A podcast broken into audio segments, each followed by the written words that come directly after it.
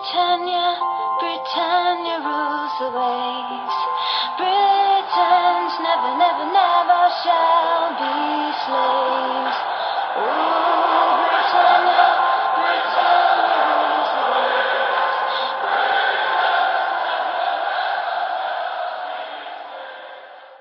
Hej och välkomna till avsnitt 254 utav Svenska FPL-podden och vi är inne i ett nytt år. 2024 har vi gått in i. Vi har ett januarifönster som har öppnat. Vi har en Ivan Tony som har avtjänat sin avstängning och eh, vi har även ett oerhört intensivt december bakom oss och ett Ja, väldigt mycket mindre intensivt januari. Vi har två deadlines eh, på hela januari och sen går vi in i ett jättebrutalt intensivt februari.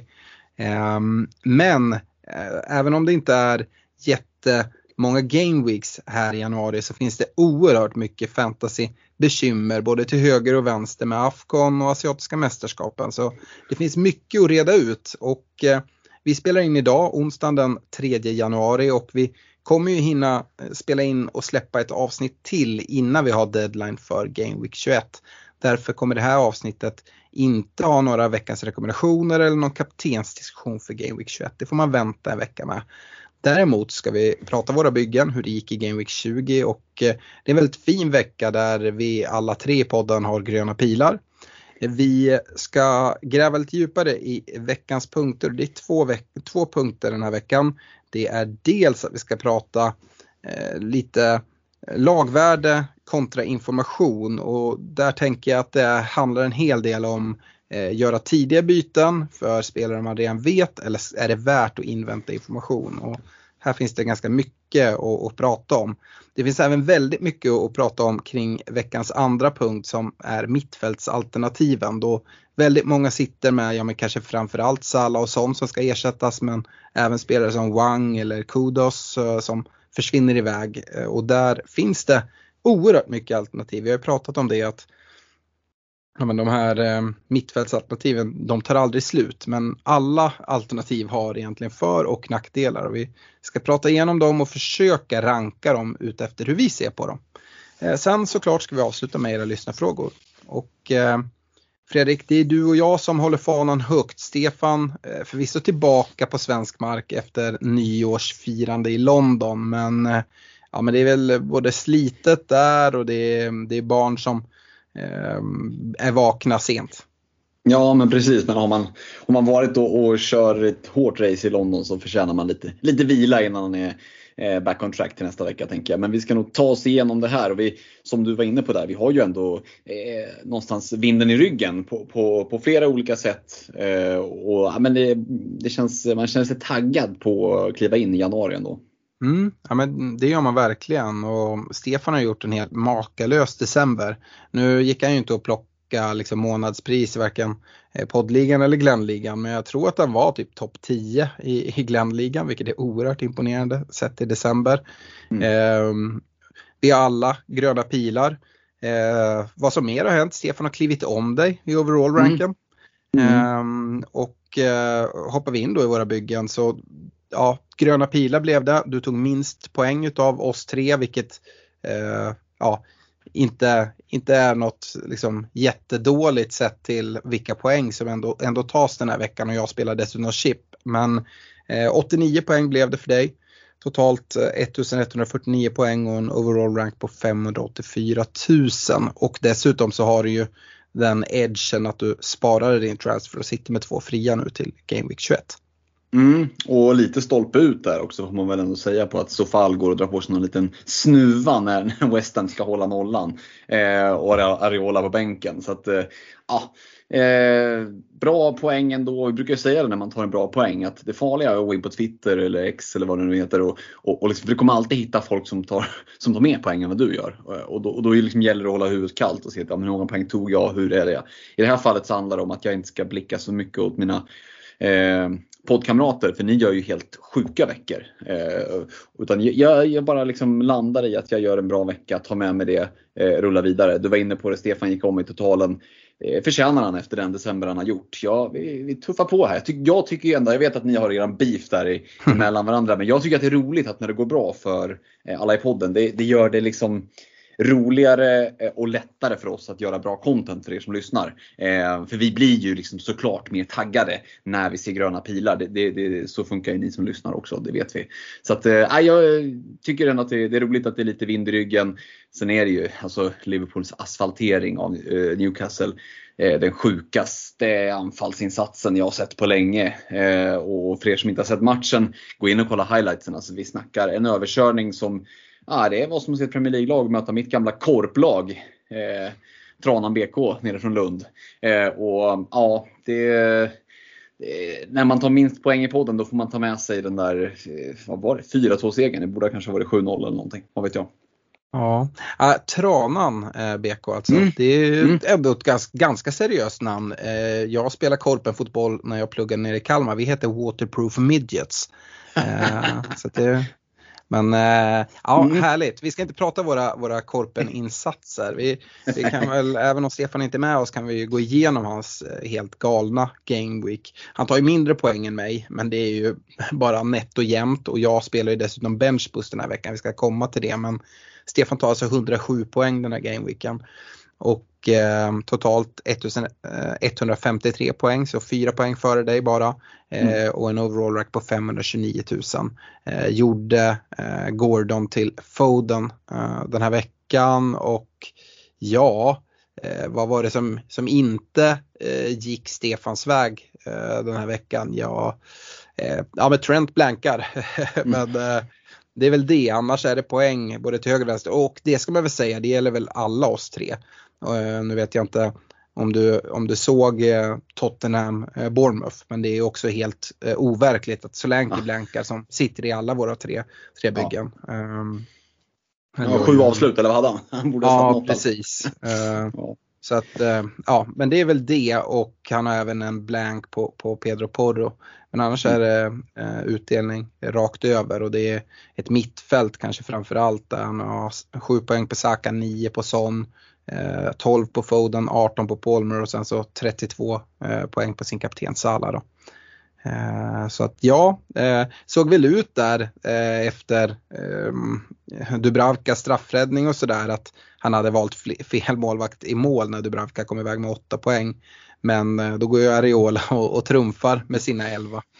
Så mm. att, nej, det var ju en, en game week då Eh, jag tror det var ganska höga scorer generellt. Eh, men 107 poäng ger Stefan en Game Week rank på eh, 11 500 ungefär. Och det är, ja, man har inte allt för många sådana Game Weeks eh, över en säsong. Eh, ja, jag slår ju Stefan med 3 poäng men har då en aktiverad benchboost också. 110 poäng blev det, jag har totalt 1195 poäng, overall rank på 129 000. Gjorde ju Eh, Charlie Taylor till eh, Kyle Walker eh, som en del utav ett benchboost byte. Hade jag inte spelat benchboost hade jag inte gjort det bytet. Kände som att Walkers nolla var given och den höll ju. Han blev dessutom utbytt där efter 60 minut så det var väl det som hade varit risken att han blivit, blivit utbytt innan dess. I övrigt är ju benchboosten rätt bedrövlig skulle jag vilja säga. Dubravka räddar upp den då får man säga. 8 poäng tar han. Eh, min benchboost totalt har 9 poäng. För jag har eh, en Sterling som, jag vet inte eh, Fredrik, men såg du på något sätt att Sterling eh, skulle bli bänkad och få noll minuter efter att ha fått vilan i och med sin, sin avstängning? Nej, den, den såg man verkligen inte komma och det är ju frågan om vad som är den starkaste trion bakom vem det nu ska vara, en Kunko mm. eller ska en Kunko vara en del i trion? Mycket av de där fyra offensiva anfallsplatserna i Chelsea känns väldigt oklart just nu. Och, nej, jag tror att alla blev lika chockade som du när, man såg att han eh, var på och inte ens fick ett inhopp heller. Vilket mm. ju liksom, då, då börjar man ju verkligen undra om han hängde han med Newcastle-spelarna på, på hotellet med med damerna eller vad, vad, vad, han, vad han var ute och svirat, vad har han gjort? För att eh, han borde ha startat eh, mm. enligt rimlighetens alla lagar. Mm. Jackson är iväg nu på afrikanska förvisso som borde kanske kunna lätta upp platserna där eh, lite. Eh, jag får mm. även noll poäng på Saliba. Jag hade ju eh, de här benchboost, när man kollar på dem, jag, jag försöker sätta upp min benchboost så som jag hade placerat min bänk och då hade jag bänkat båda mina Arsenal-försvarare i Gabriel och Saliba. Gabriel tar en poäng, Saliba tar noll, Sterling tar noll då som inte spelar och så Dubravkas åtta poäng. Um, så att det är misslyckats, Bench benchboost samtidigt som eh, den är lite ur världen och kollar man på omgången så var den ju ändå bra. Eh, det hade varit jobbigt om Salah hade dragit dit den där straffen för då hade ju inte Dubravka tagit 8 poäng direkt och då hade ju benchboosten blivit liksom om möjligt ännu mer patetisk. Ehm, men Walker kom in där, eh, tog sina poäng. Eh, problemet är bara stå med en free transfer nu till, till Game Week 21, eh, vilket jag inte hade gjort. Men ja, bra, bra, bra score, bra poäng och vi får helt enkelt ta det härifrån. Mest synd tycker jag nästan om Stefan som var på plats på, på Craven Cottage och fick se Arsenals bedrövliga insats. Ehm, och eh, förlust också. Ehm, jag hade ju missat det lite grann. Jag, jag gillade ju den här matchen rätt mycket för mina, mina försvarare trots jag hade satt dem på bänken här då. Att, eh, eh, jag trodde Jiménez skulle göra sin sista sista eh, match avstängd innan han sen skulle kunna komma tillbaka. Jag tror vi nämnde det i förra podden. Men uh, han har ju spelat en, uh, en kuppmatch också. Så han, den, den tredje matchen han har avklarat där, så han var ju tillbaka redan till Game Week 20. Så lite, lite dåligt uh, gjort av mig att inte ha koll på det. Men ja, så är det. Um, du har väl två stycken gubbar som har försvunnit iväg nu i Sala och Wang va? Sån har du ju mm. inte. Nej, det är Salah Wang som ska ja, måste ersättas, om inte den här veckan så, så till, till, nästa gameweek i alla fall. Det beroende lite på hur man, hur man vill lägga upp det. Mm. Eh, men men det, där ska de, de ska ju liksom ut, det är ju inget som ska vintras över liksom någon, något mästerskap utan på något sätt ska vi pussla ut det här. Jag har inte riktigt landat i hur bara än. Nej, eh, och du, ehm, du har ju fortfarande kvar Håland så du behöver inte tänka på ett byte för att få in honom igen. Frågan är ju, är han tillbaka nu till Game Week 21? Och det, det vet vi inte än, det är ju en bit kvar till, till Game Week 21. Ja men precis, vi kanske får anledning att återkomma i nästa veckas podd förhoppningsvis. Då de, de möter ju så har vi Huddersfield i, i, ehm, i kuppen där på, på söndag mm. och då kanske man får lite svar, är han med i truppen, får han någon speltid? Så, så där hoppas vi kunna få tanka lite mer information. Det är ju, information när det gäller City, då är det ju, liksom, då är det ju ren hårda fakta. Är de med ja. i truppen, spelar de snarare än, än presskonferenser. Eh, så. Exakt. Eh, för egen del så har jag bara Sala eh, som har försvunnit iväg. Jag har ju dessutom ett oerhört starkt truppbygge sett till att jag nyss spelade benchboost och där liksom ja, men Walker sitter sist på min bänk just nu inför Game Week 21. Men eh, eh, jag har ju inte Håland så där är det liksom en avvägning man får göra. Är det så att man tror att han kommer till start i Game Week eh, 21 så är det ju en omgång som är lite lurig med kaptensbinden. Och eh, ja, men Newcastle borta är kanske inte en match man normalt sett kollar på och letar efter en kaptensbindel. Men så som Newcastle såg ut nu mot, mot er förvisso på bortaplan eh, och liksom allt som eh, händer i, i Newcastle-lägret så eh, finns det anledning att kanske omvärdera det och, och se på eh, och få in Håland eh, även om det skulle vara minuspoäng om det är så att man tror att han startar för att, för att få en bindel där. Men kaptensdiskussion det ska vi ha i nästa veckas podd. Um, så ser det ut i alla fall. Jag vet att Stefan har gjort eh, lite eh, tidiga byten för, för Price Drop. Eh, han har ju både eh, Salah och Son. Eh, båda är utbytta redan nu vet jag. Jag tror han eh, tog in eh, Bowen och Garnacho. Mm. Hiring for your small business? If you're not looking for professionals on LinkedIn, you're looking in the wrong place. That's like looking for your car keys in a fish tank. LinkedIn helps you hire professionals you can't find anywhere else, even those who aren't actively searching for a new job but might be open to the perfect role. In a given month, over 70% of LinkedIn users don't even visit other leading job sites. So start looking in the right place. With LinkedIn, you can hire professionals like a professional. Post your free job on linkedin.com slash people today. Um, så ja, nu är inte Stefan här, han kommer vara med nästa vecka och då får han prata lite mer om sina byten och tankar med det. Vi ska ju prata om det, tidiga byten kontra att hålla på dem och få lite mer information. Så eh, det kanske blir något vi får återkomma till nästa vecka också när Stefan är med och får ge sin syn på, på de här tidiga bytena. Ja, och se lite vad, vad, vi har landat i och sådär också. Som sagt, mm. det, det, kommer ju komma information i kuppspelet i helgen här gällande till exempel Newcastle som, som eh, City ska möta. Så spelar väl de borta mot Sunderland tidiga matchen där på lördagen i ett stekhett ja. fa Cup-derby. Och låt säga att de skulle åka på liksom, torsk där också, då är de nog nere i källaren rejält. Mm. Eh, och, och, samtidigt om Håland kanske liksom får ett längre inhopp eller till och med får starten då tror jag, kan, då tror jag många kommer att liksom bli lite svettiga och, och börja byta in honom. Så att, ja, det, det blir väldigt spännande att se hur, eh, hur det ser ut i helgen. Mm. Härligt. Eh, någon det har gått ännu bättre för än, än oss här det är ju Leon Broderick som eh, är månadsvinnare både i vår kära poddliga men även Glennligan. Eh, decemberpriset i, i Glennligan var ju 17 000 eh, kronor i presentkort hos Olka Sportresor. Eh, och eh, ja, men stort grattis till Leon. Eh, kanske ska boka med sig på poddresan, vem vet? Det är ju givet. Fan, det, är, det är ju liksom poddresan och en resa till. Så det, är, det är bara att in och boka direkt. Ja, nej, men det, det hade ju varit något. Uh, nu går jag snabbt in och kollar på, på Leon. Han är, står som Chelsea-fan. Uh, då är han inte speciellt vettig tänker jag. Um, så då uh, vet jag inte. Men um, Eh, i alla fall stort, stort grattis till Leon. Eh, hans lag eh, 1905 tar 481 poäng bara i december. och det är ju inte bara den här månaden han har gjort det bra. Han har en overall rank på 136 000. Så han ligger tvåa i totalen i både poddligan och Glennligan. Ehm, så oerhört stark säsong som, som Leon har. Eh, stort grattis! Du, vi skickar hem ett superklubb till dig. Det är bara att du hör av dig till oss med adressuppgifter och så. Eh, och sen så kommer eh, grabbarna eh, från Glenligan kontakta dig gällande ditt pris där.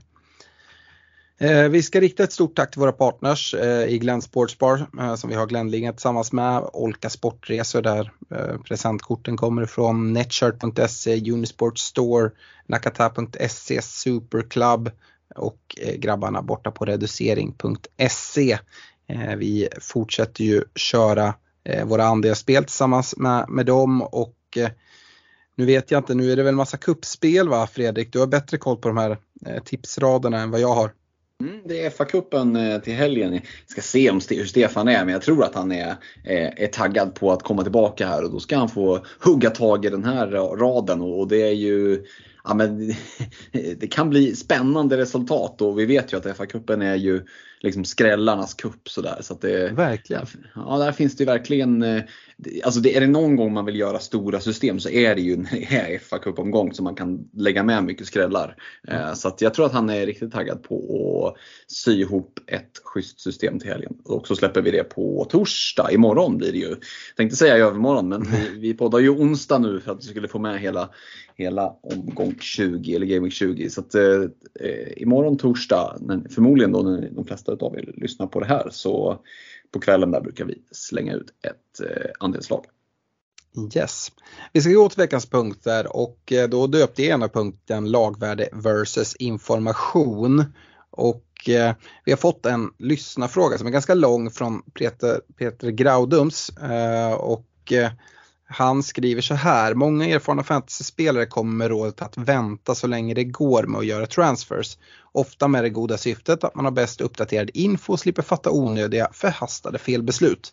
Men detta kan ställas emot att man långt tidigare vet att Salah missar matcher nu i januari och säkert gjorde rätt i att byta ut honom redan innan årsskiftet och plocka in till exempel Foden och i samma veva slippa pris, prisnedgång på den förstnämnda och slippa bekosta extra kostnad för stigande pris på Foden. Och eh, varför väljer då Lemmeltåget eh, och även expertis att byta ut Sala till efter spelomgången är avslutad? Pep kommer väl knappast släppa någon vettig uppdaterad info heller att basera beslut på innan nästa spelomgång.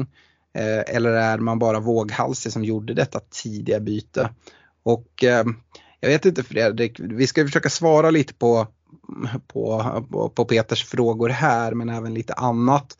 Och jag ska säga, det finns väl inga rätt och fel men det finns oerhört mycket information som kommer framförallt nu eh, den här veckan eh, in, inför Game Week 21. Eh, får se om exakt vilken information vi får.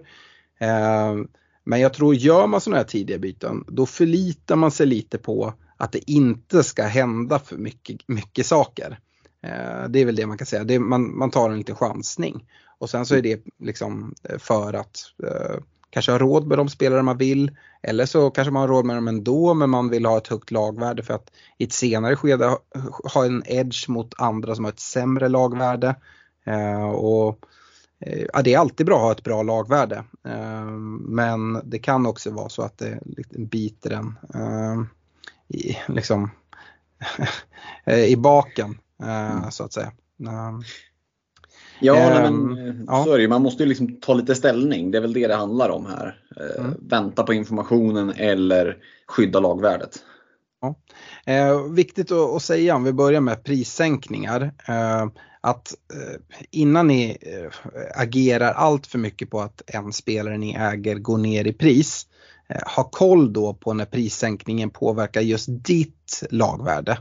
Eh, och enklast är egentligen att eh, ja, men gå in på, på Fantasy Premier Leagues hemsida och gå till transfersidan och sen istället för den här vanliga vyn man får upp där man ser alla spelarna med, med tröjor och namn och så, så kan man välja och det, det heter Pitch View. Man kan välja där att istället visa list.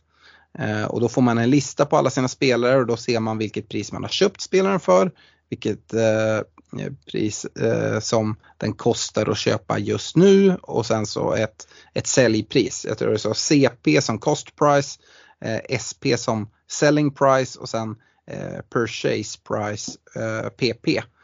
Eh, och då kan jag se till exempel nu om jag går på Sala att jag köpte Mohamed Sala för 12,6. Nu kostar han 13,2 och det betyder att om jag säljer honom då får man ju bara hälften av värdeökningen. Då skulle jag få 12,9. Skulle han då sänkas till 13,1 då är jag i ett sånt läge att eh, han skulle eh, påverkas av den prisnedgången. Då skulle jag kunna sälja honom för 12,8. Hade jag däremot köpt honom till 12,5 då behöver jag inte ens stressa för en prisnedgång på Sala. För att eh, då, att han hade gått ner till 13,1 hade inte påverkat mitt eh, säljpris. Ehm, låter det här som eh, liksom jättekonstigt eh, som förklaring Fredrik eller har du något bättre sätt att förklara det på? Nej men jag tycker att du är inne på det. Just det här att gå in på, på den här list istället för pitch view gör ju mm. att saker och ting blir väldigt mycket tydligare. Eh, och, och, glömmer man bort vad de här förkortningarna står för kan man hålla muspekaren ovanpå current price, selling price, purchase price. Eh, eh, och det, men det är ju vettigt just att om man har tänkt att ja, men jag ska ändå göra tidiga byten men ja, alltså, dumt att göra tidigare, byten, tidigare byten än vad du behöver göra. Mm. Eh, beroende lite på vem du ska sälja eller plocka in och sådär. Så att ha koll på läget, alltså att ta eh, risker är, behöver, behöver inte vara fel så länge det är medvetna risker. Men det är dumt att liksom, ja, göra mm. onödiga misstag. Mm. Eh, så, men det, är ju, det här är ju en väldigt stor, vad ska man säga, swing, kanske den största under hela säsongen vad det gäller just. Det är därför vi pratar kring just lagvärde kontra eh, information och då är det extra viktigt att, att, ha koll på det för att ja, Alltså som sagt, vissa price drops över en natt kommer inte att påverka ditt, eh, hur mycket du liksom torskar eller tjänar när du säljer en spelare. Eh, och det, det, är viktigt att ha koll på. Prishöjningar däremot på spelare man vill ta in, det spelar ingen mm. roll för där, där, där, varje höjning påverkar ju ditt köppris. Men eh, jag, jag, tycker ändå att ja, för egen del så, så värderar jag information oerhört mycket. Eh, dessutom nu i januari så har vi Ehm, längre tid. Jag brukar prata om det att det finns olika veckor där ehm, det är bättre och sämre att göra tidiga drag. Och när det är massa matcher för lagen så brukar det vara sämre. Ofta då brukar vi prata om Europaspel. Nu är det ju kuppspel här. Ehm, jag tror till exempel dessutom är ju Game Week 21 en väldigt speciell Game Week som är uppdelad på, på två, två veckor. Som ett form utav men, eh, vinteruppehåll där spelarna ska få lite tid. Så fem lag kommer spela ena helgen och sen kommer fem lag spela nästa helg. Så att alla ska få, eh, få lite vila. Det gör ju att eh, eh ja, men jag tror till exempel Liverpool, eh, ni spelar väl två kuppmatcher innan mm. ni spelar i Game Week 21. Mm. Det kan ju vara då, men vad är det för information man menar? Ja, men, Eh, Eh, normalt sett pratar vi presskonferenser väldigt mycket men som sagt skador kan komma speciellt när det är matcher men det går ju även att skada sig på träning. Eh, vi kan få information om double game weeks eh, som planeras in. Vi kan få info, i alla fall mer info om möjlighet till blanks. Till exempel så kommer ju ligacups semifinalernas första möte gå av stapeln. Och men Liverpool möter Fulham och eh, det är Chelsea som möter eh, Borough Ja, Middlesbrough är det ja. Mm. Eh, och eh, är det så att uh, men, något av lagen vinner väldigt stort i första mötet så ökar ju chansen. Vi vet ju att det kommer bli, bli blank i Game Week 26 för det lag som, Ehm, som går till final. Och det, lag som, som de möter. Och där är ju favoriten som vi har pratat om tidigare att Liverpool kommer att, vinna mot Fulham i ett dubbelmöte och att Chelsea kommer vinna över Middlesbrough i ett dubbelmöte. Eh, är det så då att Liverpool man går iväg och, och vinner 3-4-0 i, i, ehm, i första mötet så alltså minskar ju inte direkt risken för det. Och det påverkar ju lite om man, eh, ens planering, ska jag ta in en Liverpool-spelare just nu? Ja det kanske jag ska ändå men att i alla fall vara medveten om det. Um, dessutom så är vi inne i ett transferfönster i januari, det kommer säljas och köpas spelare uh, och uh, det är också någonting som kan påverka väldigt mycket. Ehm, så det gör att jag lutar väldigt mycket mot att, mot att avvakta. Ehm, nu har jag bara ett fritt byte, har man två fria byten så kanske man kan göra ett byte om man nu verkligen, verkligen känner att men den här spelaren vill jag ha in. Man ska dock vara medveten om att det är en risk. För att eh, det är FA-cupens tredje omgång där Premier League-lagen går in och ehm, eh, det ska, ska ju alla lag spela och det Ehm, ja, men kan bli skador och, och, sånt som påverkar och även om det känns som att ja, men den här spelaren vill jag verkligen få in. Så jag tror inte du vill ha in honom om du vet innan Game Week 21 att han kommer att missa för att han är långtidsskadad. Um, så jag hade önskat att Stefan var med eftersom han har gjort tidiga byten och det är ju liksom uh, en avvägning man får göra. Um, och det behöver inte vara fel att göra tidiga byten, men man ska känna till det. Um, och där många har gjort tidiga byten är ju mittfältare uh, och därför tänkte jag att vi skulle gå över och prata mittfältsalternativen. Och även här har vi fått lyssna frågor, eh, uh, men Emil Bergelin bland annat, Jimmy Niklas Kristiansen uh, eh, och flera har liksom, men vilka är de bästa mittfältarna att ersätta Salah och Son med oavsett budget? För att budget är inte så mycket problem jag har gjort så här Fredrik, om det är okej okay med dig, att jag har listat en rad olika mittfältare som jag tror att folk kommer spana emot. Eh, mm. Listat lite för och nackdelar med dem och sen så tänkte jag egentligen bara dra dem. Du får komma med din synpunkt på spelaren, eh, om du har något att tillägga i liksom för och nackdelar med de här spelarna och sen um, ja, sen i slutet när vi har gått igenom dem kanske kolla lite på vilka våra favoriter är om man lite ska lista dem. Mm. Shoot! Eh, och en utav de spelarna som, som väldigt många kikar mot skulle jag säga är Jared Bowen i West Ham. Eh, och eh, det finns ganska mycket fördelar med honom tycker jag. Eh, och det ser säkert flera då som, som byter in honom. Men fint spelschema på West Ham, han har en bra form. Ehm, gjorde väl ingen kanonmatch nu mot, mot Brighton i, i 0-0 matchen men annars har han gjort det bra här under en tid. Har ju också spelat out of position Um, sen så får vi se. Det kan vara så nu med, med Kudos borta och sådär att han kommer behöva eh, att, att Mois väljer att, att, plocka in en Danny Ings i vissa matcher och spela och liksom plocka ut Bowen på kanten. Men eh, han har spelat väldigt mycket out of position. Eh, och det är de fördelar jag egentligen har listat med, med Bowen. Eh, nackdelar som, som går det är ju att Kudos försvinner. Det borde innebära ett tapp för West Ham i kvalitet. Dessutom har vi en eh, Paketa som är skadad. Han ska vara redo till Game Week 21 pratas det om. Men ja, är det så att man får info om att Paketa är borta dessutom så är det såklart sånt som kommer påverka Bowen och liksom ja, med bollar han får och hur bra West Ham är generellt. Um, Jared Bowen, vad säger du om honom? Är det någon för eller nackdel du tycker jag missar eller något du vill belysa extra? Mm, nej men det är väl klart att vi måste lägga lite extra fokus där på fördelarna ändå utifrån att det är en spelare som många blickar mot, eh, jag inkluderat. Mm. Eh, och det skulle kunna vara ett sånt tidigt byte jag väljer att trycka av. Eh, för att mm. Uh, Salah mot, uh, mot Bowen, gör jag det nu innan, jag är precis samma sitt som dig. Alltså, nästa price drop på Salah kommer att påverka eh, mitt lagvärde, eh, eller det värdet jag har byggt upp på honom.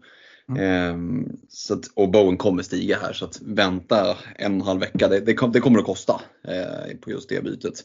Jag ska säga West Ham möter väl Bristol City i kuppen är det kanske på, på lördag eller söndag.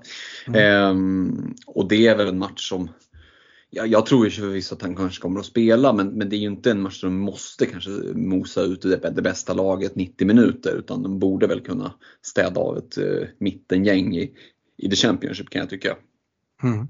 Uh, och West Ham går ju väldigt, väldigt bra i ligan. Det, lite sådär under radarn får man väl ändå säga att, att Moyes har fått till det bra. Frågan är om inte han prioriterar att försöka knipa en Europaplats före eh, liksom FA-cupen, visst FA-cupen är stor och, och jada jada men jag tror att, att ligan ändå är prio så att jag skulle inte bli superförvånad om en sån som Jared Bowen får inleda bänk eh, i kuppen eh, till helgen. Och det skulle ju vara väldigt positivt för den som har valt att byta in honom tidigt till exempel.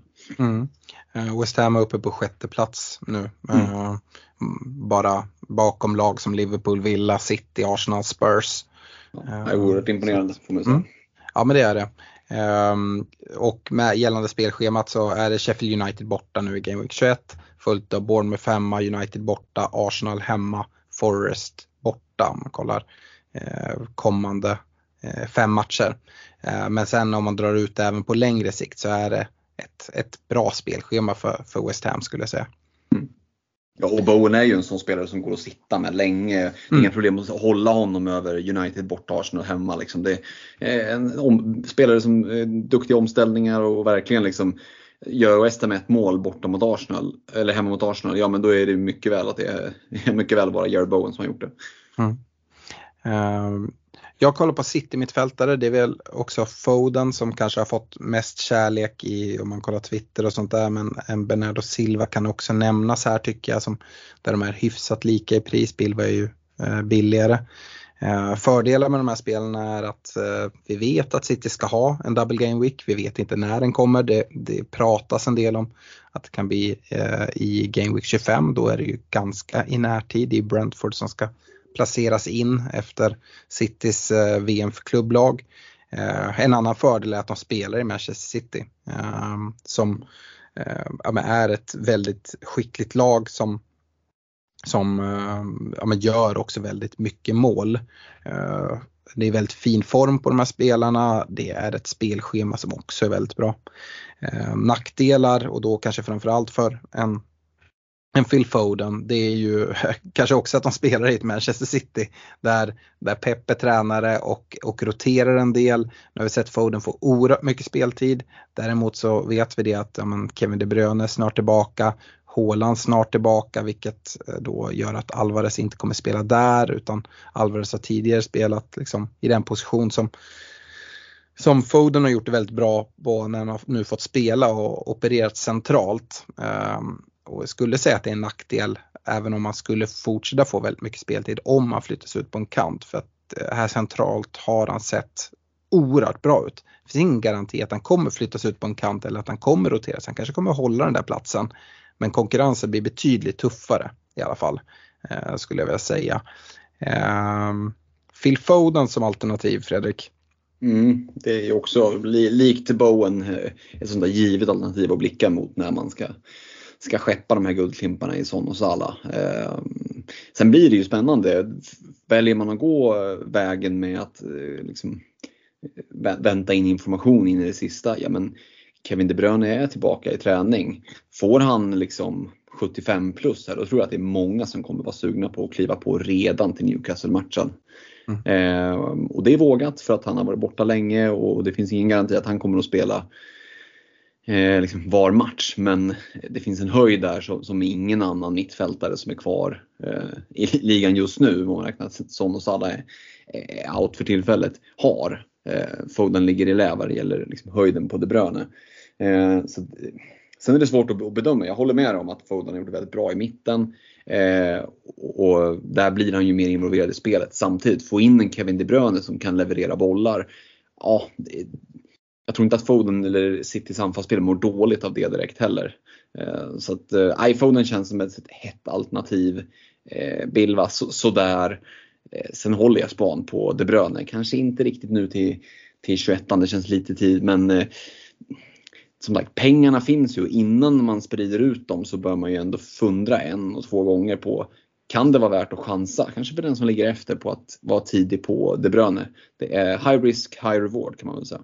Ja, jag hade Kevin De Bruyne uppskriven men betydligt längre ner för jag tycker ja. att det är eh, inte lika aktuellt som, som Bowen, Foden eh, och sådär att kika mot och det är ju för att han varit borta länge, jag skulle vilja se han komma tillbaka, se hur Pep kommer att spela honom, hur mycket speltid får han, kommer han få starta mycket och bytas ut tidigt, eh, kommer han få inleda bänk och göra lite kortare inhopp.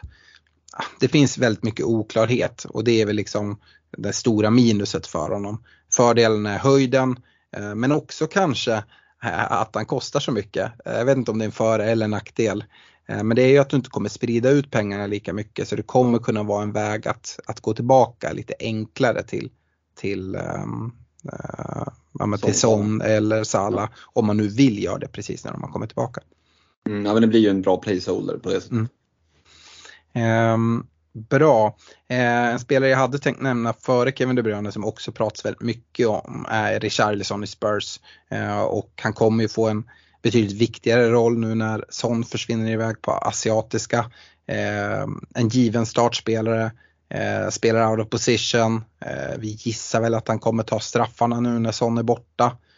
Ehm, och minusen är ju lite, lite, lite samma. Son är borta, det gör Spurs till ett sämre lag. Eh, dessutom är eh, det centrala mittfältet borta, eh, som, vilket gör Spurs sämre och liksom betydligt tunnare i truppen. Och sen dessutom så har han bytts ut tidigt nu i ganska många matcher. Jag vet inte om det är någonting som kommer fortsätta nu. Ehm, Problemet är väl att det finns inte så många att bytas, bytas ut för eftersom att Spurs blir betydligt tunnare här nu eh, med spelare som försvinner iväg på mästerskap. Mm, men, om man får killgissa lite, det får vi ju eftersom vi har en FPL-podd, eh, så tror jag att anledningen till att Richardson har blivit utbytt tidigt här de här matcherna som har varit, det har ju varit för att han inte vill. Vi vet ju att baksidorna på, på de här spelarna är ju som allra känsligast sista kvarten där. Eh, och jag tror eh, Ernst Ange har varit oerhört mån om att eh, Richarlison inte ska slå upp. Han har ju haft dragits med skador under hela hösten. Så han är väldigt mån om att han ska vara hel nu när Son försvinner. Och när han har behövt starta honom, men då har han plockat av honom efter 65-70 minuter. Och just för att han liksom inte ska dra på sig någon Eh, någon sträckning eller sådär i, i slutet av matchen. Så att jag tror ändå det är större chans att han kan få lite längre speltid nu. Att nu är det liksom dags att testa vingarna här och se om det håller i, i, i 85 plus. Eh, det är i alla fall min gissning. För lite som du är inne på också, det finns inte supermycket att, att byta in för Spurs. Utan ja, nu, nu är Son borta. Eh, de har ju fortfarande liksom en ganska stark elva offensivt. Det är bara att de ska hitta någon som, som levererar bollen liksom fram bollen. Men sen är de ju också ett offensivt lag och det tycker jag ska in på plussidan på Richarlison. Mm. Att Postecoglou öser ju på framåt. Han kan ju fan ställa upp med liksom, fan fyra fjunisar och, och två enbenta. Han skulle ju spela offensiv fotboll ändå. Eh, och det gynnar ju en sån som Richarlison att, att ändå liksom, laget kommer inte att, det kommer inte vara Mourinho Conte taktiken. Nej, dessutom en eh, James Madison som eh, det pratas om ska vara tillbaka här i januari. Eh, så mm. där du får kreativitet och eh, kan eh, ge bollar till Richarlison. Ja, det kan ju bli en jätteboost för hela Spurs. Om han är mm. Eh, en spelare som, som jag gillar väldigt mycket eh, som ersättare som jag inte tycker det pratas riktigt lika mycket om som de här tre i liksom Bowen, Foden, Richarlison. Det ska bli kul att höra din syn på är Diogo Jota i Liverpool. Mm. Eh, jag tänker nu när Salah försvinner eh, på hans pluskonto måste det tillkomma att det blir ökad chans till bra speltid. Eh, jag tycker dessutom Jota är en spelare som ja, men, så fort han spelar alltid tar poäng. Ehm, det, det finns också så plus och minus som, som man kan väga in här. Eh, det, det är, vi har ju varit inne på det att Liverpool mycket väl kan ha blank i Game Week 26 men det har också då pratats om att det mycket väl kan vara en double Game Week i 25. Ehm, och att, eh, om det är så att Jota har spelat, gjort det bra, att han kan få, få speltid där. Och minus är väl, ja, men, lite som vi var inne på med Richarlison, att ja, men, även Liverpool blir ett sämre lag utan Mohamed Salah. Mm. Eh, dessutom så är han nyligen tillbaka från en skada och sen så just den här potentiella blanken i 26 att om det ställer till det allt för mycket. Um, du som är Liverpool-supporter, hur, hur, ser du på Jota som ett FPL-alternativ nu när Salah försvinner? Mm, ja, men det är klart att som du är inne på, det är ett jättetapp för, för Liverpool som lag att tappa Salah. Det är ligans bästa spelare just nu eh, skulle jag säga. Eh, och, och, Det blir ju ett tapp, men för Jotas del så öppnas det ju upp. Nu är de egentligen bara fyra stycken kvar. Han har han har Gakpo, Nunez och, och Luis Diaz och, och liksom tampas mot för att plocka en plats. Eh, och de tävlar väl på ja, men ganska lika villkor allihopa. Fördelen för Jota är att han är väldigt flexibel. Eh, eh kan spela både på vänsterkanten och i mitten. Jag tror att han skulle klara ganska, ganska bra att gå ut och spela på högerkanten också. Han är inte så beroende av att liksom, ha, ha sin kant eller så. Eh, både han och Gakpo är ganska flexibla spelare på det sättet. Nunez med för den delen. Eh, och, nej, men jag håller med om att Jota är en sån spelare som riktigt sån här måltjus. en jobbig jävel liksom, som inte gör så mycket vad man ser. Eh, eh det är inte, liksom inte lika mycket yviga rörelser som en Darwin Nunez utan mycket hårt jobb i det tysta och sen så dyker han upp på bortre stolpen och liksom rakar in ett tap-in mål. Men de ger ju poäng de också. Eh, och kan han hålla sig skadefri här nu, varit borta och har dragits med skavanker under hela hösten, så kan han hålla sig skadefri så tror jag att det kan vara ett kanonalternativ. Jag gillar ju Jota mycket mer än Gakpo till exempel. Jag tycker att mm. Jota är mycket mer klinisk eh, när det väl kommer till lägen och har den här måltjuvsnäsan som, som Gakpo kanske inte har på samma sätt. Eh, så att, eh, det ska bli väldigt spännande att se vem som tar platsen ute till höger eh, nu när Salla försvinner de här matcherna. Eh. Det är ganska svårt att spekulera i tycker jag. Eh, det skulle mycket väl kunna vara så att det blir en Diogo Jota som får platsen till höger. Eh, att Darwin Nunez eh, får, får, spela i mitten, kanske att Gakpo byter av honom och att Luis Diaz eh, tar platsen till vänster. Det är väl liksom utgångstipset någonstans. Eh, och jag tror Jota kan göra det riktigt bra därifrån också. Vi såg ju som sagt mot mot Newcastle att Liverpool är i bra offensiv form. Eh, och för många är det nog så att man har suttit med Mohamed Salah som enda eh, Liverpool-tillgång eh, offensivt. Om man nu inte räknar Trent som offensiv, vilket han ju är. Men, men liksom av mittfältare och, och anfallare. Och när han då försvinner, ja, då blir det väldigt tomt i många lag. Så att lite av en, en differential får vi väl ändå säga att det är om man väljer att kliva men till sig direkt ifrån Salah till Jota. För det tror jag inte alla kommer göra. Och Mm, Diogo Jota eh, eh, återigen listad som mittfältare, det gillar vi ju, tack för det. Eh, och, och, priset skrämmer ju inte heller nu när liksom, det finns pengar på banken. Så att, eh, jag gillar Jota som alternativ. Mm. Hur hade du vägt den då till exempel? Nu, Jota kostar 7,7. Eh, mm. Du nämner Luis Diaz där, han kostar 7,3. Eh, jag, jag gillar ju mer Diogo Jota som ett FPL-alternativ. Eh, ja men sett till Luis Diaz eh, bristande form, nu var han väldigt bra ska jag säga mot mm. Newcastle. Eh, och det är frågan hur, bra, hur mycket som att, var att han var bra och att Newcastle var dåliga. Men han behöver visa några matcher till känner jag. Det är inte den liksom, det är inte de höga topparna på Luis Diaz som vi har sett tidigare för då håller jag nog honom som, som strået vassare. Men sett till att den liksom, vacklande form han har haft under ja, men, tidiga vintern här nu, då, då håller jag ändå Jota före. Um, ja, det, är ju typ samma pris när vi liksom pratar om att pengar inte är så stort problem. Eh, så sett till liksom lite nuläge och form då, då håller jag nog ändå Jota snäppet före. Mm. Um, en spelare som jag först nästan höll på att glömma bort att ta med för jag tänker att alla har honom men det har inte alla. Det är Cole Palmer. Mm. Han har stigit en del i, i pris men uh, jag har skrivit det som, som plus att han fortfarande är oerhört prisvärd. Eh, tar straffar och en del fasta situationer.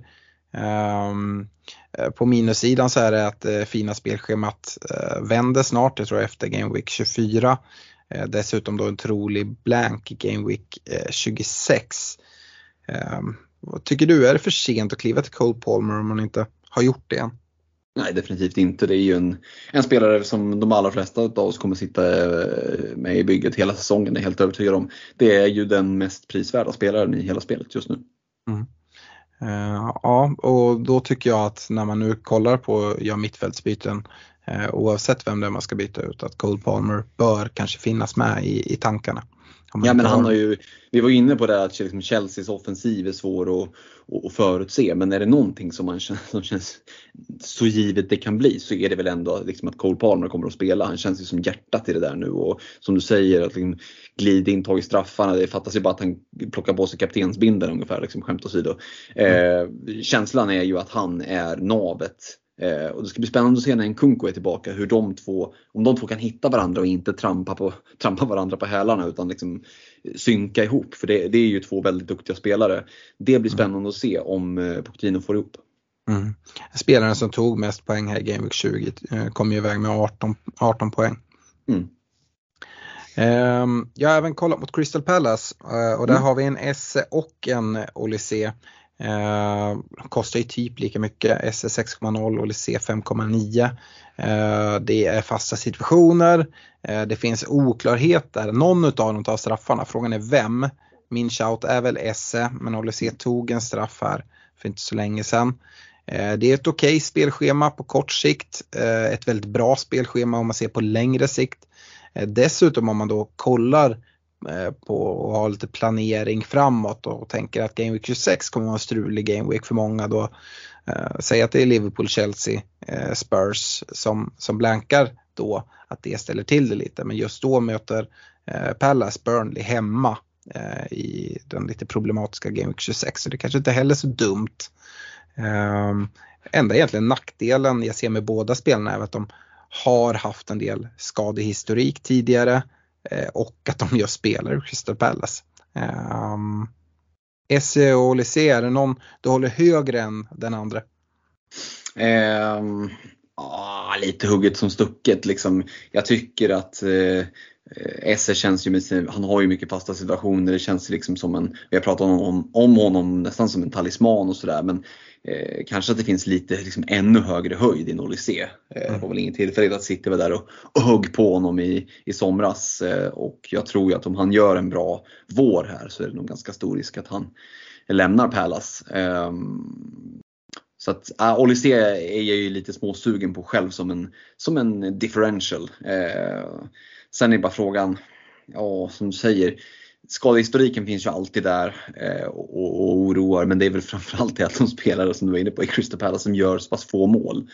Mm. Eh, men eh, samtidigt, det kostar inte så mycket pengar. Det har öppnat upp sig liksom, mittfältsplatser för det har vi ju tjatat om hela hösten att det är så trångt på mittfältet. Helt plötsligt har det ju öppnat upp sig och, och bildats lite luckor och, och verkligen givits möjlighet till att ta lite chansningar. Och, och då tycker jag att ja, en sån som Olysée är en det är liksom en rimlig risk. Det är en rolig shout. Det är en punt. Eh, du kan plocka in honom nu så får du fyra raka blanks. Då är det så. Du kan liksom inte liksom stå där och gapa och gråta över spelmjölk. Men samtidigt kan du också plocka in honom och plocka fina poäng. Han ska möta ett Sheffield United hemma här i 22an till exempel.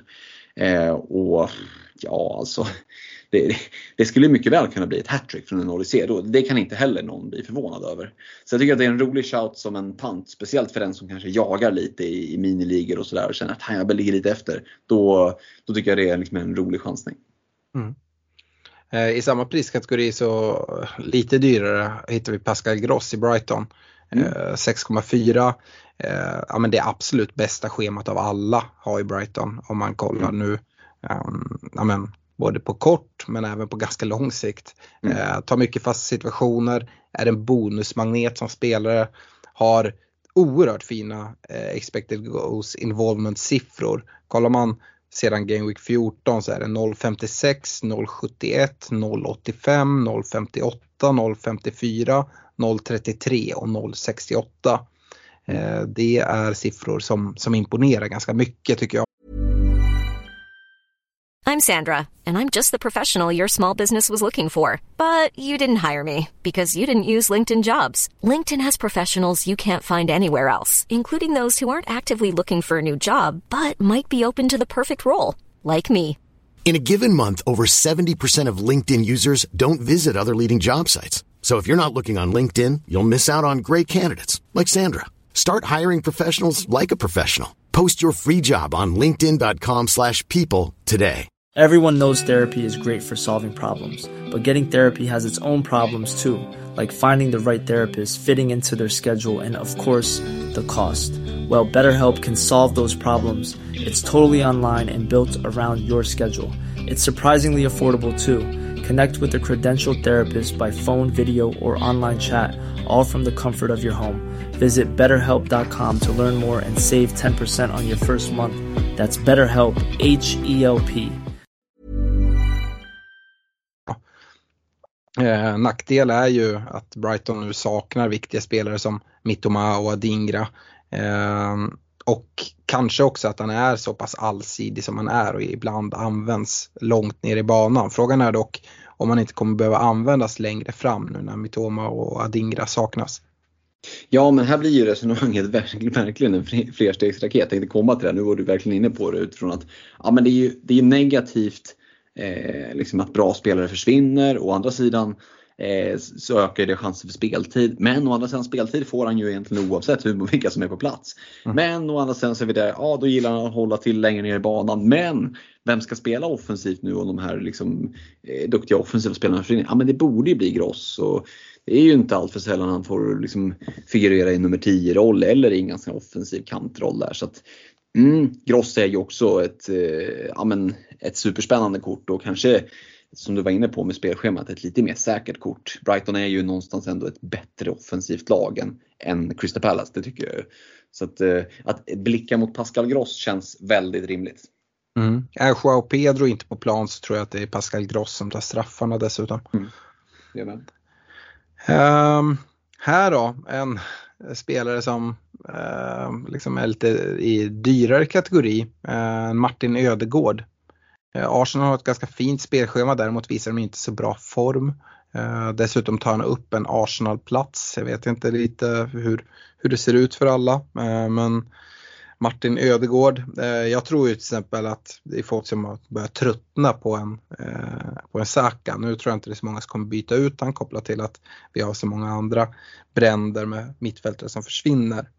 Eh, men hade vi eh, hade vi haft kvar Salah och sådana att de inte hade försvunnit iväg, då tror jag det är ganska många som hade kikat på liksom avlasta en spelare som Saka. Eh, nu lyfter jag upp en ytterligare Arsenal-offensiv, eh, men ja, hur ser du på Ödegård? Mm, det är lurigt. Alltså det är ju någonstans en av de bättre spelarna i ligan. Det går inte att komma ifrån.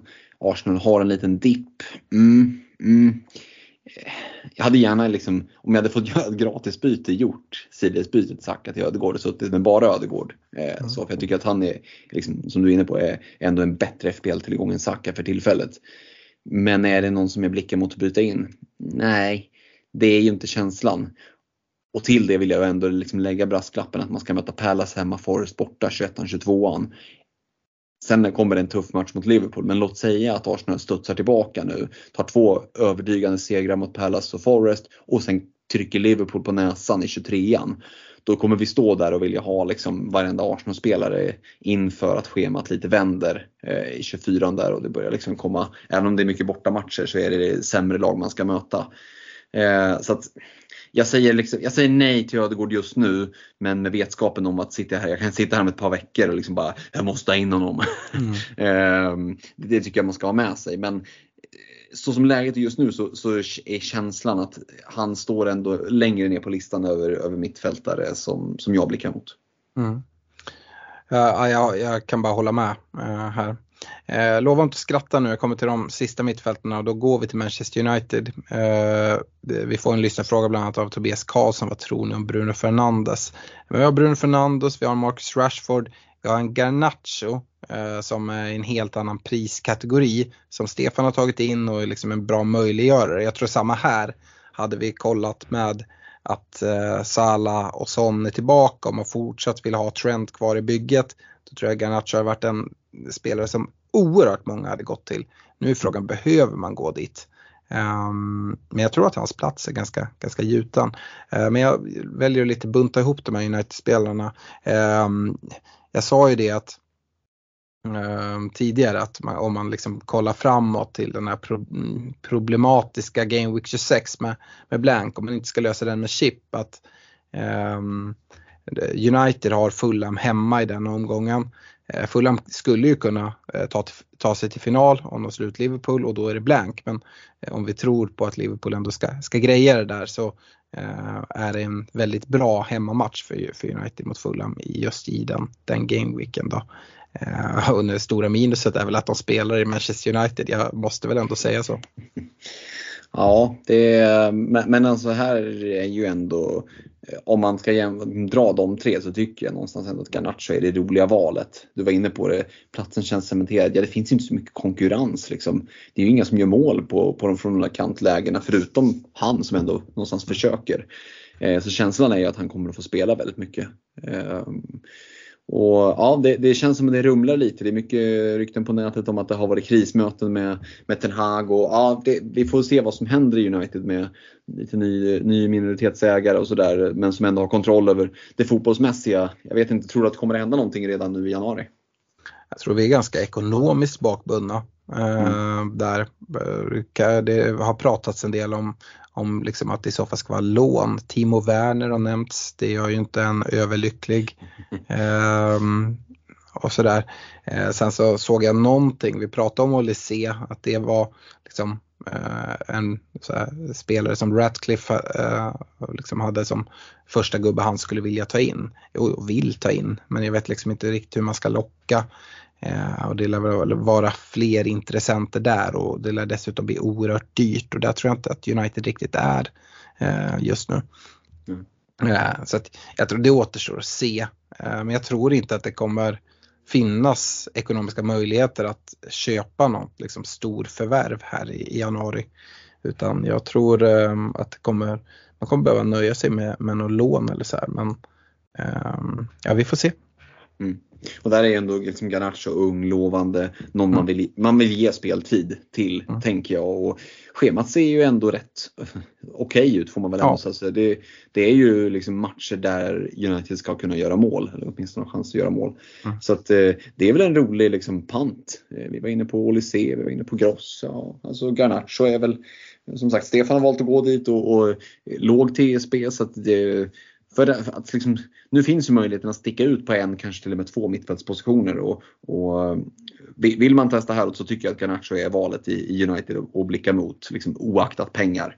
Eh, så att eh, man ska också vara medveten om att det är en chansning och du kan liksom inte, det går inte att ställa sig och, och, och gråta över blanks utan det är en chansning men eh, det blir intressant att se om han kan eh, fortsätta liksom vara involverad i det mesta som händer offensivt för United.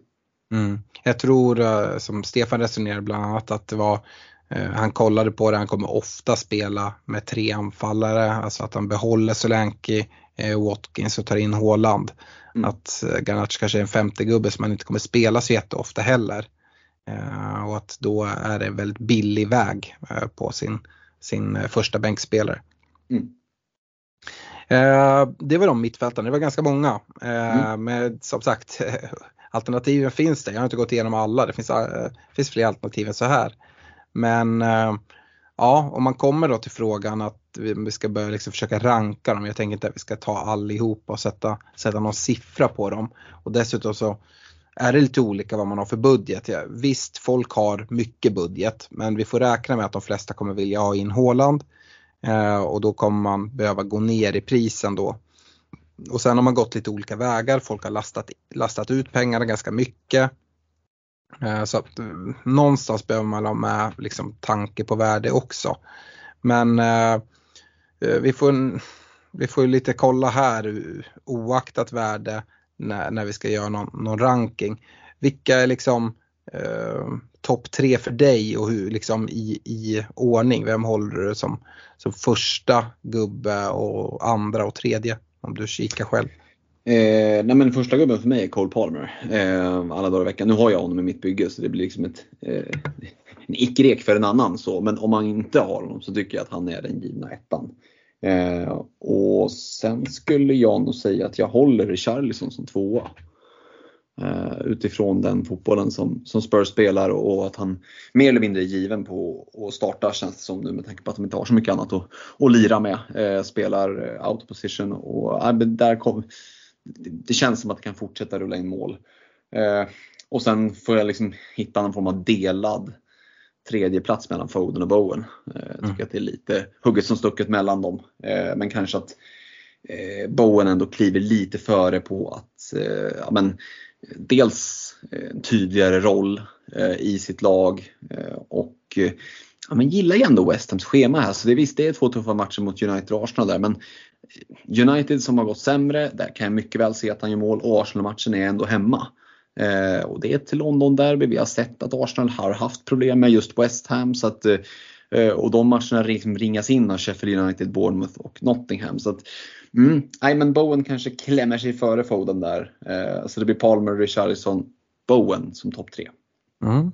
Ja, spännande. Eh, ja, ja, men jag, jag tror ändå jag vill liksom lägga Bowen som, som etta. Kollar jag på mitt eget mm. lag nämligen så är det dit jag um, jag kollar uh, att göra Sala till Bowen. Uh, och jag har ju uh, spritt ut mina pengar så att det är nätt och jämnt där. Jag kan göra Sala till Bowen och Alvarez till Håland och få ihop det. Jag tror att just nu diffar 0-1 faktiskt. Eh, så att eh, om det är det. Sen så vet jag inte om jag kommer agera tidigt även om jag liksom tvingas prismässigt utan eftersom att det finns så oerhört många andra alternativ. Eh, mm. Så kanske det är så jag kommer bara låta den möjligheten försvinna om det skulle vara så för att få informationen. Um, och så får man bara hoppas att Bowen inte ska straffa en allt för hårt. Um, sen sen är det lurigt. Jag tror att jag går till Richarlison som tvåa. Han har jag redan i mitt bygge. Um, men uh, jag tycker att det är en spelare att satsa på nu. Um, och på tredje plats då, nu nämner inte jag Palmer, uh, men det är för jag tror att väl många har honom ändå. Uh, jag förstår att du tar honom som etta, jag tycker också att han ska in där. Um, men jag tror jag tror jag gillar chansningen mer på Jota än Foden. Mm. Um, jag har lutat oerhört mycket mot, mot Jota själv uh, att attackera där. Jag vill vara med i, i Liverpool. Det som talar emot det är problema, problematiken med 26an. Eh, vi kommer eh, när vi får lite mer information tvingas prata chipstrategi. Eh, det finns case för att nyttja free hit antingen i 25an eller 26an. Det finns liksom tal om tidiga wildcards och sådana saker. Men eftersom att om, om det blir som, som vi tror att Chelsea, Liverpool och Spurs ska, ska blanka i, i Game Week 26 och dessutom att det ska vara, eh, komma några dubblar i 25an. Eh, det kommer ställa till det något oerhört mycket. Bara om man kollar Game Week 26 så ser jag nu att jag har jag har två Spurs-spelare i Pedro Porro och Richarlison. Jag har Trent. Eh, jag har en, eh, en Mohamed Salah just nu då, men som jag då kanske ska ersätta med, med en Jota. Eh, jag har Palmer, eh, jag har Sterling. I, inte jättelätt att få ihop ett lag om det, alla de lagen ska blanka.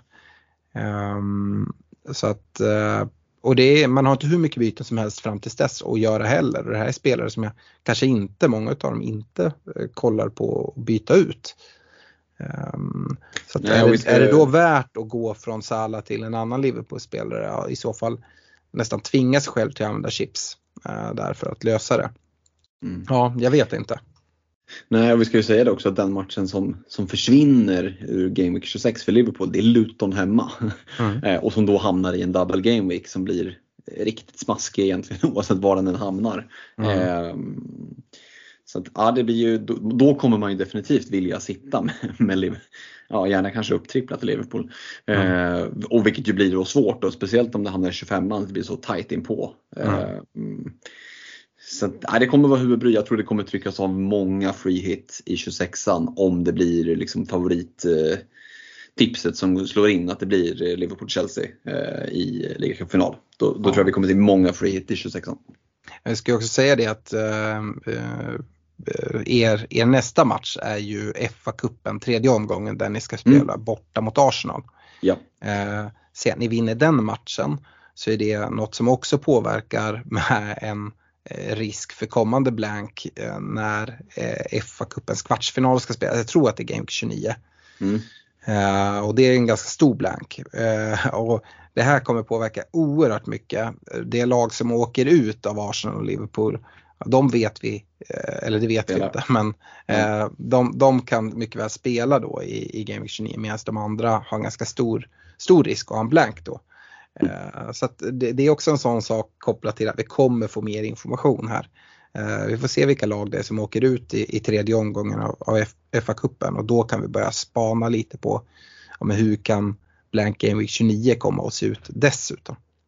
Men det är ju någonting att väga in redan nu med, när man sitter och gör byten faktiskt inför 21 Vem ska jag ta in? Ja. Hur, hur tänker man kring Game Week 26? Och som du säger, man kanske väljer att gå direkt på Jota men sitter man då med liksom 5-6 spelare som potentiellt kanske missar 26an, ja men då, då låser man ju mer eller mindre in att, att spela för hit då. Mm, och det, eller ett wildcard. Eller ett wildcard. Um, och, och, det är samma där att vi har pratat om det att ja, Salah kommer tillbaka från, från Afcon där mm. uh, runt, runt 25 om man går hela vägen. Uh, och då så är det en dubbel i 25, blank i 26 och sen kanske en blank i 29 och sen så tror jag att, nu går jag långt fram här men 27 och 28 däremellan, då möter ni City en av matcherna tror jag. Eh, mm. och sen om det är Forest borta, Forest borta mm. eh, också. Och då finns det helt plötsligt case här, men jag kanske inte ska ta in Sala. Mm. Utan jag, jag, jag, kanske får in honom i en free hit i 25an och sen går jag utan honom. Ja, 26an som är blank, eh, 27an och 28an då liksom City ska mötas i en match och Forest borta igen och sen blank 29 och sen drar jag ett wildcard och då plockar jag in Sala. Mm vi kommer behöva prata så oerhört mycket strategier här i, i kommande poddar när vi får mer information. Eh, men det lovar vi att komma tillbaka till. Eh, för att det kommer, det kommer vara en väldigt viktig del eh, här för, för våren. Vi kommer in i liksom chip, chip period här längre fram. Mm. Ja, jag vet inte om vi snurrar iväg allt för mycket. Eh, jag hoppas Nej, att ni lyssnare tycker att det är bra. Eh, om inte annat att bara få koll på de här sakerna. Att, ja, det kommer komma lite blanks och det kommer vara lite stök. Eh, jag har ingen plan och jag tror att det bästa är nog att lite Uh, inte rodda ner sig allt för mycket i det. Det kommer klarna och så fort det klarnas lite, lite mer än vad det är nu så kommer vi att diskutera det ännu mer i podden och lite så här chipstrategier som vi tror på eh, och olika vägar man kan, man kan välja att gå. Men att ha någon tanke kring det redan nu, det är inte så dumt. Mm. Ska jag chippa in en mittfältare som du inte har nämnt? Ja, men gör det. Eh, och då tänker jag att det är ändå, vi har ett lag som går eh, helt sanslöst bra i ligan och det är ju Aston Villa. Eh, lite svårt att hitta liksom den tydliga tvåan bakom Watkins eh, att ha i ett FPL-bygge. Men en Leon Bailey har ju seglat upp på slutet, fått väldigt mycket speltid. Kommer oerhört långt fram i banan och är med och hugger hela tiden och, och sådär. Vad, eh, vad tänker du kring eh, Villas mittfält och kanske främst Leon Bailey? Nej, jag, det lockar inte mig. Eh, det gör inte det. Jag tycker, tycker Villa har varit lite upp och ner nu senare tiden också. Mm. Um, så det påverkar säkert. Uh, uh, och det är som sagt, det är Bailey, det är Devi finns där. Douglas mm. Luiz skulle man också kunna väga mm. in. Det är Absolut. faktiskt den mittfältare som har tagit mest poäng um, i, i Aston Villa. Um, och liksom en, liksom en budgetspelare också. men just nu känner jag att jag inte vill, vill röra dem. Jag, jag sitter bra med Watkins där. och ja, känner mig rätt nöjd så som det är just nu. Mm. Ja, det blir intressant att se hur de kan hålla här över kommande fyra med Everton, Newcastle, Sheffield United, United Sheffield United och Man United. Sen mm. kommer det tre riktigt fina matcher 25, 26, 27 när vi, vi var inne på det där med, med dubblar och blanks och, och allt vad det är. Det eh, blir intressant att se vad, vad, status är på deras mittfält och, och ja, om det kan vara någonting att blicka mot då om inte annat. Mm, absolut. Eh, innan vi går över till lyssnarfrågorna, eh, vi har vävt in några redan, ska vi slå ett eh, stort slag för eh, patreon.com svenska FPL eh, där du kan stötta oss med 25, 35 eller 50 kronor i månaden.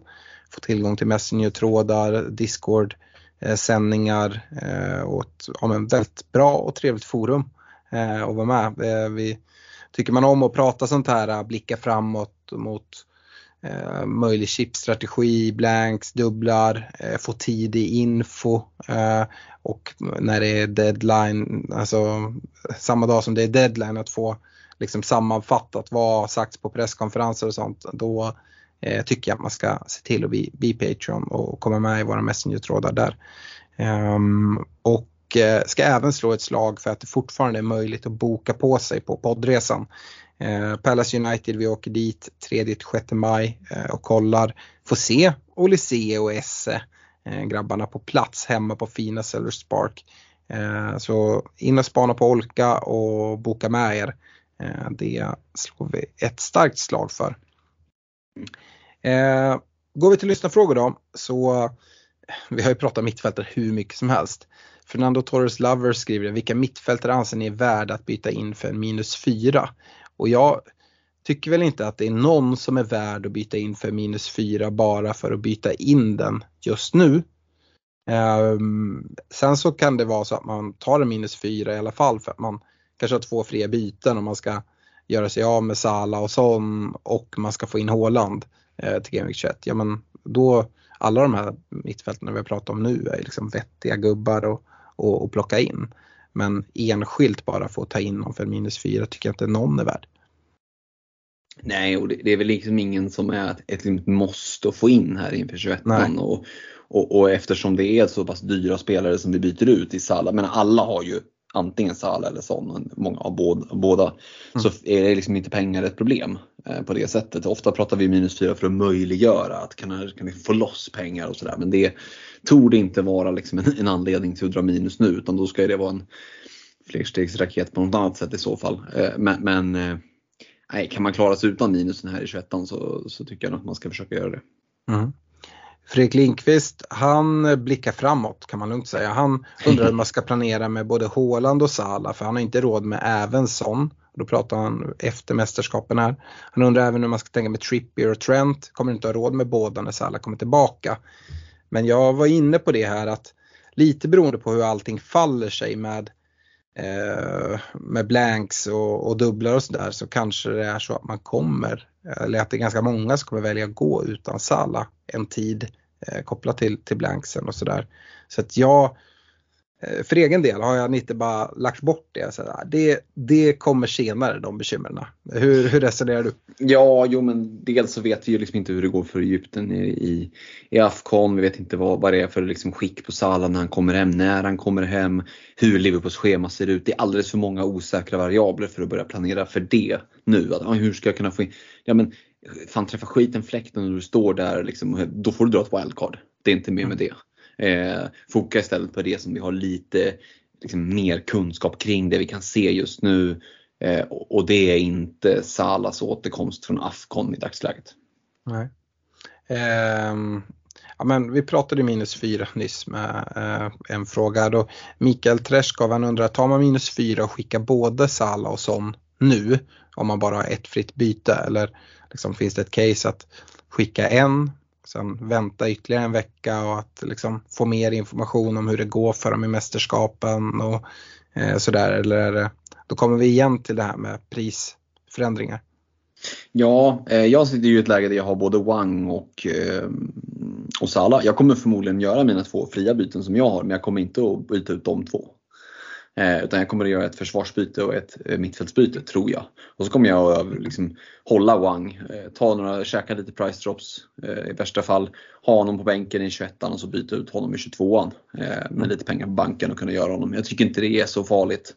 Sitter man med både Son och Salah, nej fast jag vet inte om jag, jag tror att de flesta har ganska starka bänkar i 21 snarare så att man har lite bänkningshuvudvärk bara om man gör ett byte.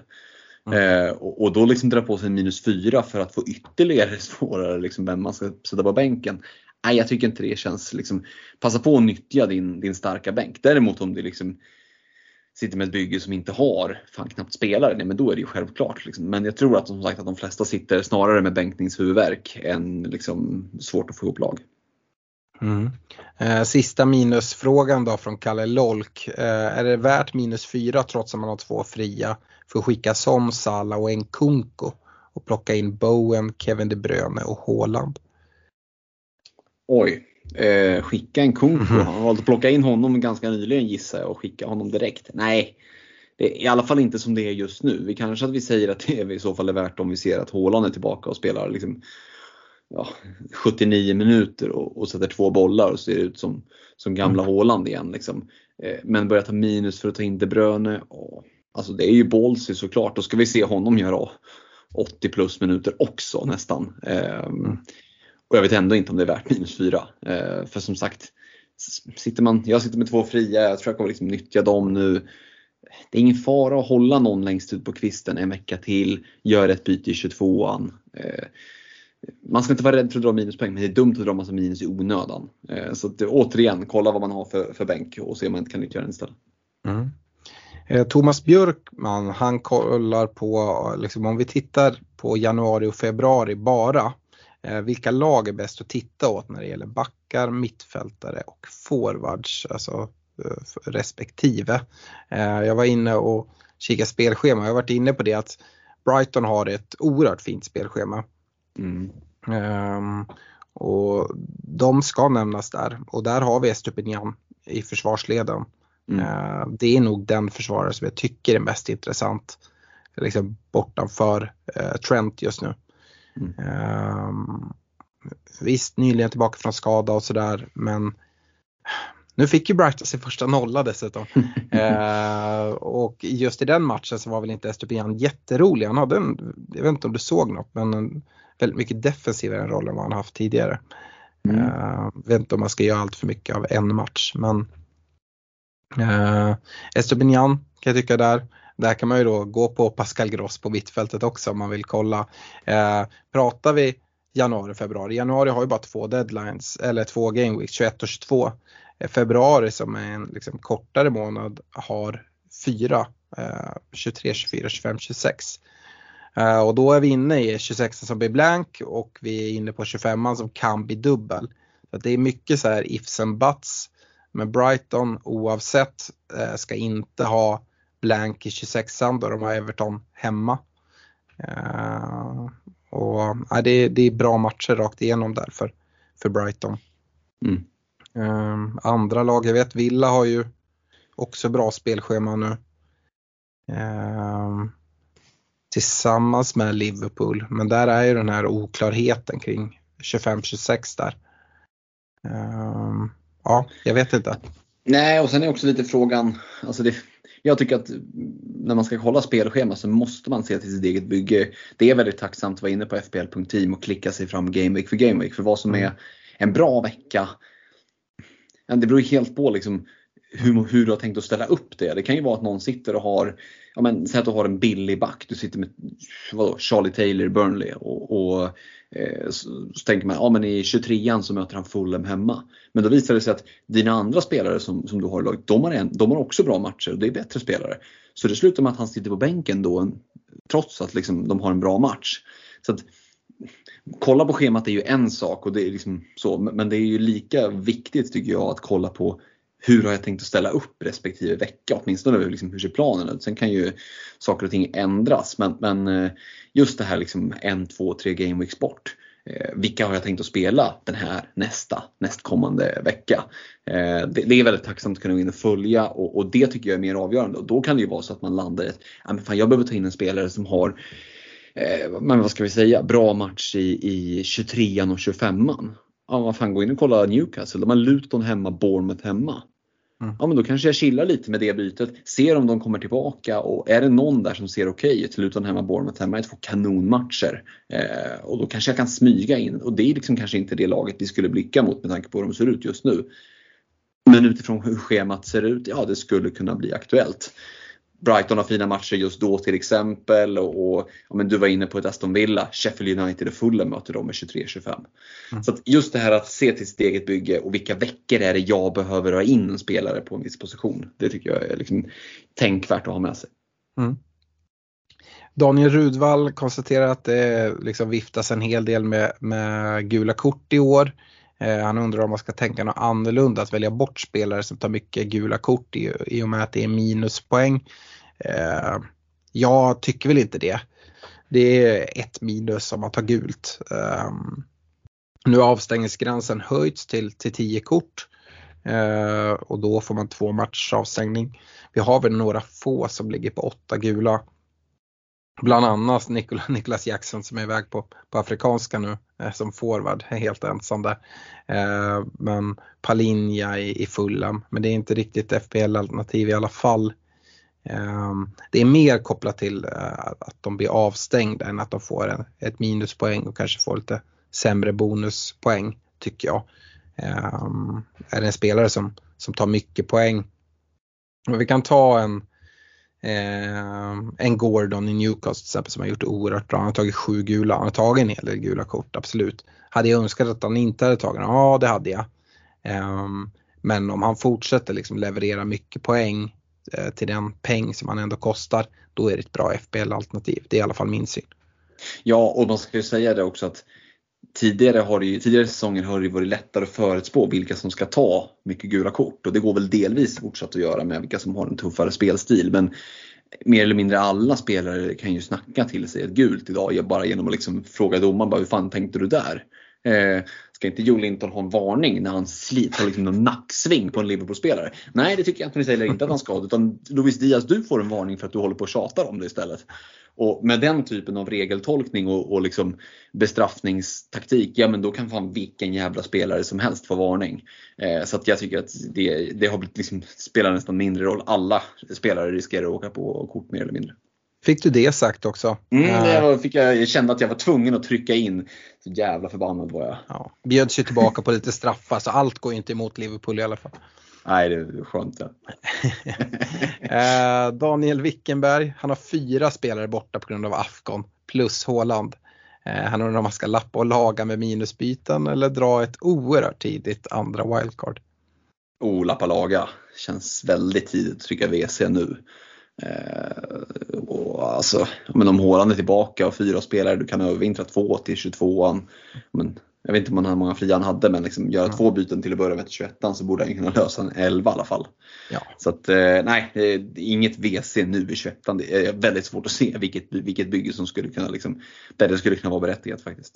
Ja, det ska vara ett Ghost Chip-lag liksom, där man får, ta, ja. få för sig att ja. ah, men nu ska jag köra här andra halvan. Att man liksom bara vill få en fräsch start. Ja men ja. kör då, men annars är det väldigt få som, som behöver, dra, behöver dra ett wildcard. Eh, hellre då ta en minus 4 eller till och med en minus 8 och bara sätta i ja. ordning laget och så ja. har du ditt wildcard sen. Absolut. Eh, sista frågan, Marcus Becker, han undrar när ska man köpa Ivan Tony? Oj, det var en bra fråga. Jag passar över den till dig. När, när plockar du in Tony Silverdiggers? Ja du, eh, det är en bra fråga. Jag tror att väldigt många har glömt bort vilken jäkla sjuk eh, fotbollsspelare och FBL-tillgång Ivan Tony är. Mm. Eh, så det ska väl sägas. timing spelmässigt är väl sådär för Brentford. Nu är det Forest hemma i 21 men därefter Spurs, City, Wolves, Liverpool eh, efter det. Eh, dessutom efter det så är det West Ham, Chelsea, Arsenal. Eh, ah, det är väl sådär, man vet inte riktigt hur han har eh, eh hållit igång allting. Jag gissar att han har hållit igång en hel del ändå. Eh, men liksom just den här matchfitness match fitness eller vad man ska säga. Eh, att det kan behöva lite. Dessutom ett, ett Brentford som har haft det lite tufft. De har en Boemo som är borta skadad som Eh, liksom ändå en eh, viktig kugge han och, och Tony. Eh, hade ju bra, eh, bra spel tillsammans och sådär. Eh, jag vill nog se han komma tillbaka först. Men Eh, med det sagt, eh, det är en eh, jäkligt skicklig fotbollsspelare så jag kommer mm, verkligen kolla på nu när han kommer tillbaka. Det som också tar emot är väl anfallslinan som känns rätt gjuten. Jag är i alla fall inte nära att byta ut Watkins. Dessutom en Håland som kommer tillbaka. Men där har vi en plats. Och sen så Solanke har ju tagit den där tredje platsen för oss som spelar med tre anfallare. Eh, och nu diffar det väl en miljon, miljon. mellan Solanke och ja, nästintill i alla fall. Um, och som tredje anfallare, det är ett oerhört dyrt anfall om man ska ha Haaland, Watkins och, och Tony. Uh, så det tror jag passar ganska få personer. Uh, det gör det ju också lite lurigt. Men uh, ja, det ska bli kul att se honom tillbaka om inte annat. Men precis, blir han kvar i Brentford liksom, mm. eller, eller är det någon som panikköper honom sådär? Eh, framåt Game Week 29 där i, i, mitten av mars då, då börjar ju Brentfords schema att vända och kanske är det, om han blir kvar, kanske är det då han är tillbaka liksom, i, i matchform och har kommit igång. Och, och att han då är gjuten i alla byggen, det, det skulle kunna vara så som sagt. Det, det är kul att han kommer tillbaka och vi hoppas att han liksom ändå kan eh, ja, men, att han inte är en skugga av, att han inte gör en Diego Costa liksom, och kommer tillbaka som ett, som ett skämt mer eller mindre. Utan eh, nej, men, eh, att han har hållit igång och, och, att han framförallt mentalt, det är väl mycket det det handlar om, att han är eh, taggad på, på att lira igen. Eh, men som, som du var inne på, Brentford behöver ju honom minst sagt. Mm. Så är det. Stort tack för att ni har lyssnat. Eh, vi, ni får väl avgöra själva här gällande om det är värt att invänta information eller attackera lagvärde. Eh, vi har i alla fall försökt hjälpa till och ge lite tankar kring det den här veckan. Vi är tillbaka igen nästa vecka. Då ska vi eh, dels kolla hur det har gått i FA-cupens tredje omgång. Vi ska eh, se, är Håland ett diskussionsämne som behöver tas upp? Vi har vi kommer behöva prata en kaptensdiskussion och, och rekommendationer och som sagt Game Week 21 är en tudelad eh, omgång som, som pågår över en oerhört lång tid. Eh, så det är mycket att tänka på. Eh, så se fram emot att podda igen nästa vecka. Eh, ha det bra. Hej! Ha det gott. Ciao! Mom deserves the best and there's no better place to shop for Mother's Day than Whole Foods Market. They're your destination for unbeatable savings, from premium gifts to show-stopping flowers and irresistible desserts. Start by saving 33% with Prime on all body care and candles. Then get a 15-stem bunch of tulips for just $9.99 each with Prime. Round out Mom's menu with festive rosé, irresistible berry chantilly cake, and more special treats. Come celebrate Mother's Day at Whole Foods Market